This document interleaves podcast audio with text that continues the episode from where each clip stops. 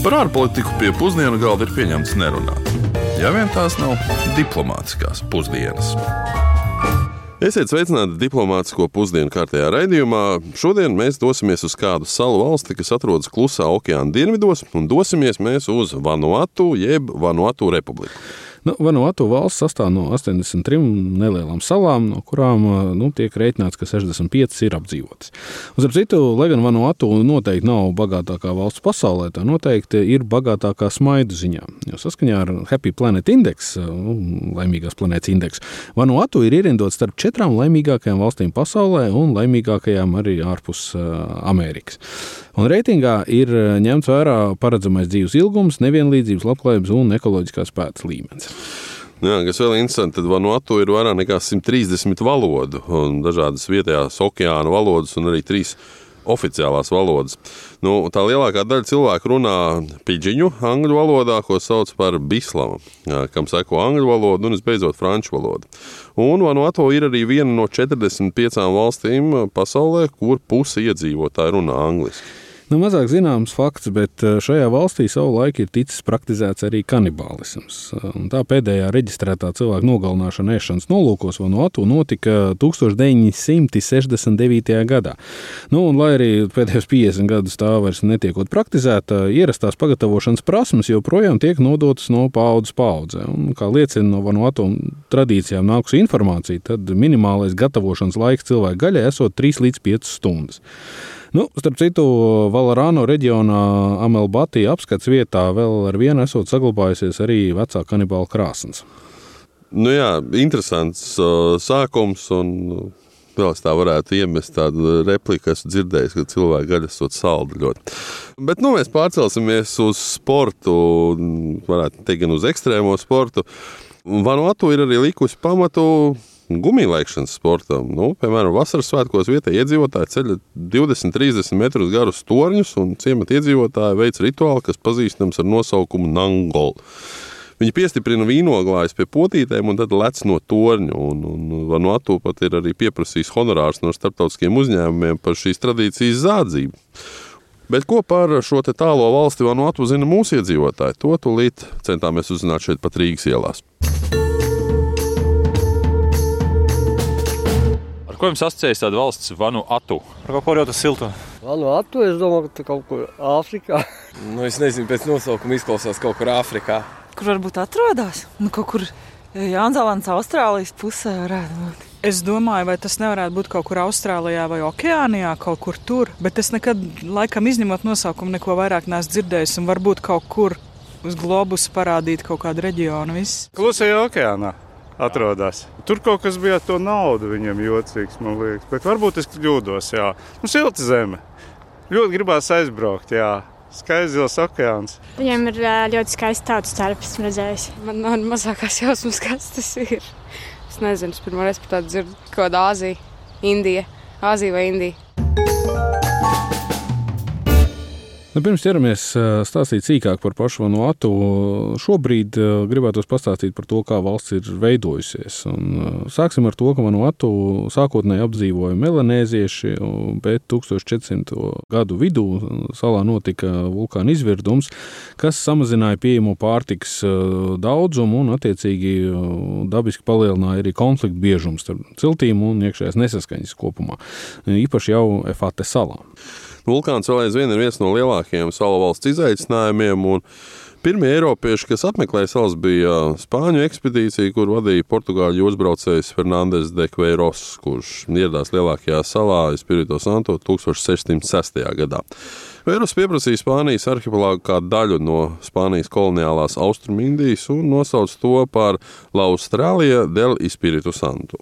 Nu, vēlāk, 1880. gados, gan Francija, gan apvienotā karalists pretendēja uz daļām šajā arhipelāgā. Un 1906. gadā tās vienojās par ietvaru kopīgai kolektīvai arhipelāgu pārvaldībai, nosaucot to par jaunajām Hebridu salām. Nu, īstās hibrīdu salas ir uh, Lielbritānijas piekrastē, kā mēs zinām. Pieaugot un pārklājoties interesēm, salās Francija un apvienotā karaliste vienojās, ka jaunās hibrīdu salas 1878. gadā būs neitrālas. Vien gadus 30 vēlāk abas valstis izveidoja Britu un Franču pārvaldību, lai kopīgi arī kontrolētu, pārvaldītu šīs salas un izveidoja atsevišķus likumus, policijas spēkus, valūtu, kā arī izglītības un veselības sistēmas. Nu jā, kopumā gan šī uh, vienošanās par pārvaldību izrādījās visnotaļ neefektīva un disfunkcionāla. Tādēļ Lielbritānijas karaliste, kā tā laikā valsts saucās, izmantoja Francijas sakāvi, sākotnējo sakāvu Otrajā pasaules karā, lai nodrošinātu lielāku kontroli pār šīm te uh, hibrīdu salām, jaunajām hibrīdu salām. Tomēr, nestoties uz to, Francijas un apvienotās karalistes pārvaldības modelis atkal tika atjaunots pēc Otrā pasaules kara. Apvienotā karaliste 20. gadsimta 60. gados bija ieinteresēta virzīt savu pārvaldību uz neatkarību, taču Francija vilcinājās. Un tādēļ Vanuatu sāka veidoties politiskās partijas, kas arī aģitēja par neatkarību un lielākoties bija sadalīts pēc valodu līnijām. Galu galā Francija piekāpās, un uh, vēlēšanas jau notika 1974. gadā, bet 1980. tika piešķirta neatkarība Vanuatu angliski runājošā premjerministra Waltera līniju vadībā. Starp citu, vēl viens visnotaļ interesants fakts, kas izrādījās, ka vienā no Vanuatu salām, Tanas salā, ir cilts, kas pielūdz, pielūdzās šajā gadījumā princi Filipu Edinburgas hercogu. Un tas sākās tieši 1974. gadā, kad salu apmeklēja karaliene Elizabete II un princis Filips. Vanuatu esot bijis eh, sens pareģojums, kas vēstīja par eh, seno kalnu garu, kas pieņēmis baltā vīrieša veidolu, ceļojis uz ārzemēm, lai apprecētu spēcīgu sievieti un gal galā atgriezās salā. Un Vanuatu salas eh, kanoja laivas tirgotājs, kas sveicināja karalisko jahtu, ieraugot Filipu, esot pieņēmis tieši viņu par šīs salas garu un aizsāk kustību, kur attiecīgi pielūdza princi Filipu. Stāstot jau par mūsdienu valsts politiku, ir jāsaka, ka Vanuatu pastāv daudzpartiju sistēma. Un kopumā desmitgadēs pēc neatkarības iegūšanas angliski orientētā Vanu Aku partija un uz frančiem orientētā Mērno partija savienība sadrumstalojās daudzās mazākās partijās, kuras faktiski nosaka personības politika, nevis ideoloģija. Nu jā, gluži precīzi tā kā Latvijā mūsdienās, ka nu, personības nevis ideoloģija vai partija. Nu jā, pēdējā laikā daudz uzskata, ka mums ir arī kāds ideoloģisks sadalījums, bet man dažreiz tiešām rodas sajūta, ka ne visi saprot, pa ko viņi īsti runā.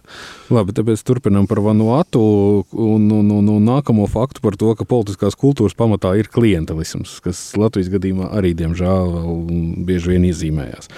Nu, attiecīgi, tas nozīmē, klientelisms, ko nozīmē deputātiem, ir piešķirt naudu, ko tērēt saviem vēlētājiem, un vēlētāji kandidāts vērtē galvenokārt pēc viņu spējas piesaistīt resursus savās kopienās, nevis pēc nacionālās politikas pozīcijām.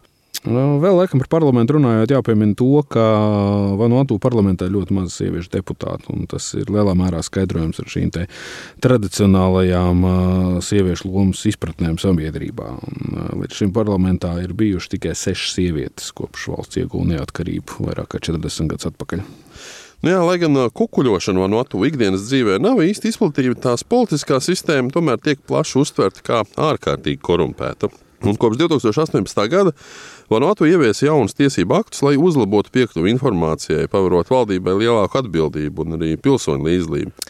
Valsts politisko dzīvi esam diezgan detalizēti izrunājuši. Laikam ir laiks pienācis arī parunāt par 308 tūkstošu cilvēku lielās valsts uh, ekonomiku. Nu, tajās pamatā galvenokārt ir maza izmēra lauksaimniecība, kas nodrošina iztiku apmēram divām trešdaļām iedzīvotāju, kas faktiski sākot no naturālās lauksaimniecības līdz kokosriekstu un citu labības kultūru sīksaimniecībām. Kaltēta kokosa masa, kopra neapšaubām ir vissvarīgākais lauksaimniecības produkts, kas veido vairāk nekā 35% no Vanuatu eksporta. Tam seko koku materiāli, lielopu gaļa, arī kakao, makšķerēšana, ārzonas finanšu pakalpojumu un turisms ar vairāk nekā 330 tūkstošiem turistu apmeklētāju ir papildu ekonomikas balsts. Lai gan jāsaka arī, ka valsts turisms ir piedzīvojis grūtības pēc tam, kad uh, Efāti salu, uh, kas ir visapdzīvotākā un turistu iecienītākā sala, 2015. gadā faktiski nopostīja tropiskais ciklons. Jā, nu runājot par eh, dabas katastrofām, Vanuatu tiek uzskatīta par vienu, vienu no pašām bīstamākajām valstīm pasaulē. Valsts atrodas virs Klusa okeāna uguns gredzenī. Nu, tā ir josla gar Kluso okeāna, kam ir liela iespēja piedzīvot zemestrīces, vētras, plūdu, sausums un jūras līmeņa paaugstināšanos. Nu, papildu pastāvīgās infrastruktūras grūtības Portugāles Bauerfields lidostā ir izraisījušas arī gaismas satiksmes traucējumus, vēl vairāk apgrūtinot uh, turismu skaita palielināšanos, pieplūšanu. Nu, visvairāk turistu tomēr, uh, un arī ārvalstu palīdzības, faktiski nāk no Austrālijas un Jaunzēlandes. Vanuatu ekonomisko attīstību pamatīgi kavē, protams, šī atkarība no nelielā preču eksporta, ne tikai dabas katastrofas, un arī, kas interesanti, tad lielie attālumi no galvenajiem sadarbības tirgiem, un starp citu arī lielie attālumi starp pašām salām. Nu, par tādu vieglu loģistisko mūrgu tie bieži vien izveidojās šī preču tirzniecība. Un rēģējot uz ārvalstu bažām, starp citu, valdība ir solījusi stingrāk regulēt ārzonu finanšu centru darbību, jo tas ir bija kļuvis kļuvis par vienu no valsts jaunajiem ekonomiskajiem orientieriem. Jā, Vanuatu ir slavena ar tās zelta pasu sistēmu, un starp citu Eiropas komisija pavisam nesen ir ierosinājusi apturēt šo zelta pasu sistēmu, jo ir liels bažas par to, ka klusā okeāna valsts uh, ir izveidojusi ļoti pretrunīgi vērtētu sistēmu, kā, kā faktiski visas zelta pasu sistēma. Nu jā, Vanuatu zelta pasu sistēma, kā tas bieži ir uh, zināms un saprotams, paredz uh, pilsonības piešķiršanu apmaiņā pret ieguldījumiem valsts ekonomikā. Nu, attiecīgi ļauj ārvalstu pilsoņiem iegādāties Vanuatu pilsonību par 123 tūkstošiem eiro. Nu, pats process parasti ilgs nedaudz vairāk par mēnesi, lai šo visu nokārtotu. Nu jā, tas arī tiek uzskatīts par vienu no pievilcīgākajiem šīm pasu sistēmas elementiem, jo faktiski tiek nodrošināta neierobežota bezvīzu piekļuve 130 valstīm, tostarp arī apvienotajai karalistē, arī Eiropas Savienības valstīm. Un tas arī ļauj šiem pasturētājiem tur uzturēties 90 dienas bez vīzes. Papildus Vanuatu darbojas arī kā nodokļu paradīze, kurā nav ienākumu, uzņēmumu vai īpašumu nodokļa. Un tas arī Eiropas Savienībai īsti nepatīk, tāpēc pret Vanuatu tiek piemērotas sankcijas. Bet um, Karību reģiona ekonomiste Mārla Duharana gan uzskata, ka Eiropas Savienība faktiski, ja ne apceļ, tad, nu, angļuiski sakot, bulijo šīs mazās uh, gan Karību reģiona salas, gan arī Klusā okeāna salas. Nu, paklausīsimies viņas viedokli.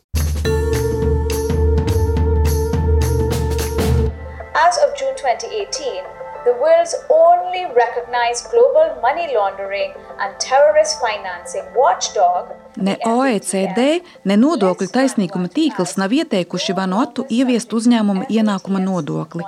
Tāpat šīs organizācijas nav atzinušas, ka Vanuatu nodokļu sistēma būtu neatbilstoša vai kaut kādā veidā kaitīga. Pasaulē vienīgā naudas atmazgāšanas un terorismu finansēšanas uzraudzības iestāde, Finanšu darījumu darba grupa, 2018. gadā atzina, ka Vanuatu vairs nav pakļaujama šīs grupas uzraudzības procesam. Arī apvienotā karaliste 2021. gadā savā augsta riska trešo valstu sarakstā Vanuatu neiekļāva. Protams, arī šajā valstī, tāpat kā daudzās citās, naudas atmazgāšanas jomā ir iespējams veikt uzlabojumus. Taču nonākot līdz Eiropas Savienībai, tā vien liekas, ka tā ir pasludinājusi sevi par nodokļu naudas atmazgāšanas un terorisma finansēšanas apkarošanas dievu and counteracting terrorism financing, or AML CFT. 2017. gadā Eiropas Savienība publicēja pirmo sarakstu ar 17 valstīm, kuras nesadarbojas nodokļu jomā. Nākamajā gadā Vanuatu tika iekļauta Eiropas Savienības pelēkajā sarakstā, bet 2019. gadā tika iekļauta arī sankciju sarakstā, kur tā atrodas joprojām. Eiropas Savienība ir pieņēmusi uzlabotu regulējumu ietvaru, lai identificētu augsta riska trešās valstis. Eiropas Savienības izstrādātā metodoloģija ir tik sarežģīta un izsmalcināta, lai sasniegtu savu galveno publiski nepateikto, bet acīm redzamo mērķi - izveidot pat vairākus sankciju sarakstus ar valstīm, kurās dominējošā nav baltā ādas krāsa. Turklāt neviena no šīm valstīm nav sabiedrotais kādai ietekmīgai, galvenokārt balto cilvēku apdzīvotai globālai lielvarai. Powerful, predominantly white countries. Vēl vairāk, Eiropas Savienības sarežģītā metodoloģija sankciju sarakstu izveidēji patiesībā neskar īstās nodokļu paradīzes. Eiropas parlaments ir atzinis, ka valstis, kuras atrodas Eiropas Savienības melnajā sarakstā, rada vien aptuveni 2% no globālajiem ieņēmumu zaudējumiem un tikai 1,1% no globālās ekonomiskās aktivitātes. Vienlaikus Eiropas Savienības valstis pašas ir atbildīgas par 36% nodokļu paradīžu, un, protams, šīs valstis sankcijām nekad netiek pakļautas. Šis ir tiešā pretrunā ar Eiropas Savienības pašas sludināto proporcionalitāti. Mēs Karību reģionā sakām, pērtiķiem nepatīk redzēt pašiem savas astes. Ieviešot sankcijas pret mazām, nebaltām, ne Eiropas Savienības valstīm, kuras īsteno savas suverēnās tiesības noteikt pašas savus ienākumu nodokļu līmeņus, Eiropas Savienība patiesībā likvidē godīgu konkurenci. Un šādu melno sarakstu izveide, acīm redzot, ir viņu iecienītākais instruments sava dominējošā stāvokļa noturēšanai. Eiropas Savienība uzspiež savu nodokļu politiku, ja ne ideoloģiju, valstīm, kas nebūtu nav tās dalībnieces. Eiropas Savienība arī nav sniegusi pienācīgu skaidrojumu par to, kāpēc Vanuatu ir iekļauta šajā melnajā sarakstā un kāpēc tā tur joprojām atrodas. by the EU. Nu jā, neskatoties uz visiem šiem centieniem, ētiskiem, neētiskiem, legāliem, nelegāliem, Vanuatu beig beigās tāpat ir viena no nabadzīgākajām valstīm pasaulē. Pēc Pasaules bankas datiem IKP uz vienu iedzīvotāju ir 2,6 tūkstoši eiro. Nu, tas ir apmēram 11 reizes mazāks nekā Latvijas IKP uz vienu iedzīvotāju. Un pasu pārdošana ir ilgu laiku bijis lielākais Vanuatu valdības ieņēmuma avots un veidoja apmēram 42% no valsts budžeta ieņēmuma ieņēmumi. Diezgan iespaidīgi. Bet, nu, rezumējot, varētu teikt, ka Vanuatu laikam ir tas gadījums, kad problēmu skaits varētu būt lielāks nekā pašu iedzīvotāju skaits, kam to visu atrisināt. Un, un daudzas salas, kolorīta politiskā, etniskā vēsture, daudzveidīga, vienlaicīgi arī vārga ekonomika, problēmas ar klimatu un dabu. Nu, tas tikai ir rada milzīgu, milzīgu skaitu apdraudējumu. Un, un vienkārši jānoņem cepuru vanotu iedzīvotāju priekšā, ka vienkārši vispār spēj uzturēt šādu neatkarīgu un arī relatīvi pastāvīgu valsti. Lai cik būtu paēdis, vienmēr ir vieta arī desertam. Bet laikam tagad ir pienācis laiks arī desertām, uh, šodienas valsts ir interesanta ar ļoti daudzām lietām, ko jau mēs jau sākām jau arī ievadā un uh, pamatēdienā runāt. Tādēļ uh, desertā parunāsim par valsts ekskluzivitāti. Nu, tā noteikti mūsu klausītāji ir dzirdējuši par zemūdens viesnīcu un restorāniem, kā arī Maldīvu Republikas diplomātsko pusdienu raidījumā stāstījām jums par prezidentu Mohamedu Nešīdu, kas sarīkoja ministru kabineta sanāksmi par globālajām oglekļa emisijām zem ūdens.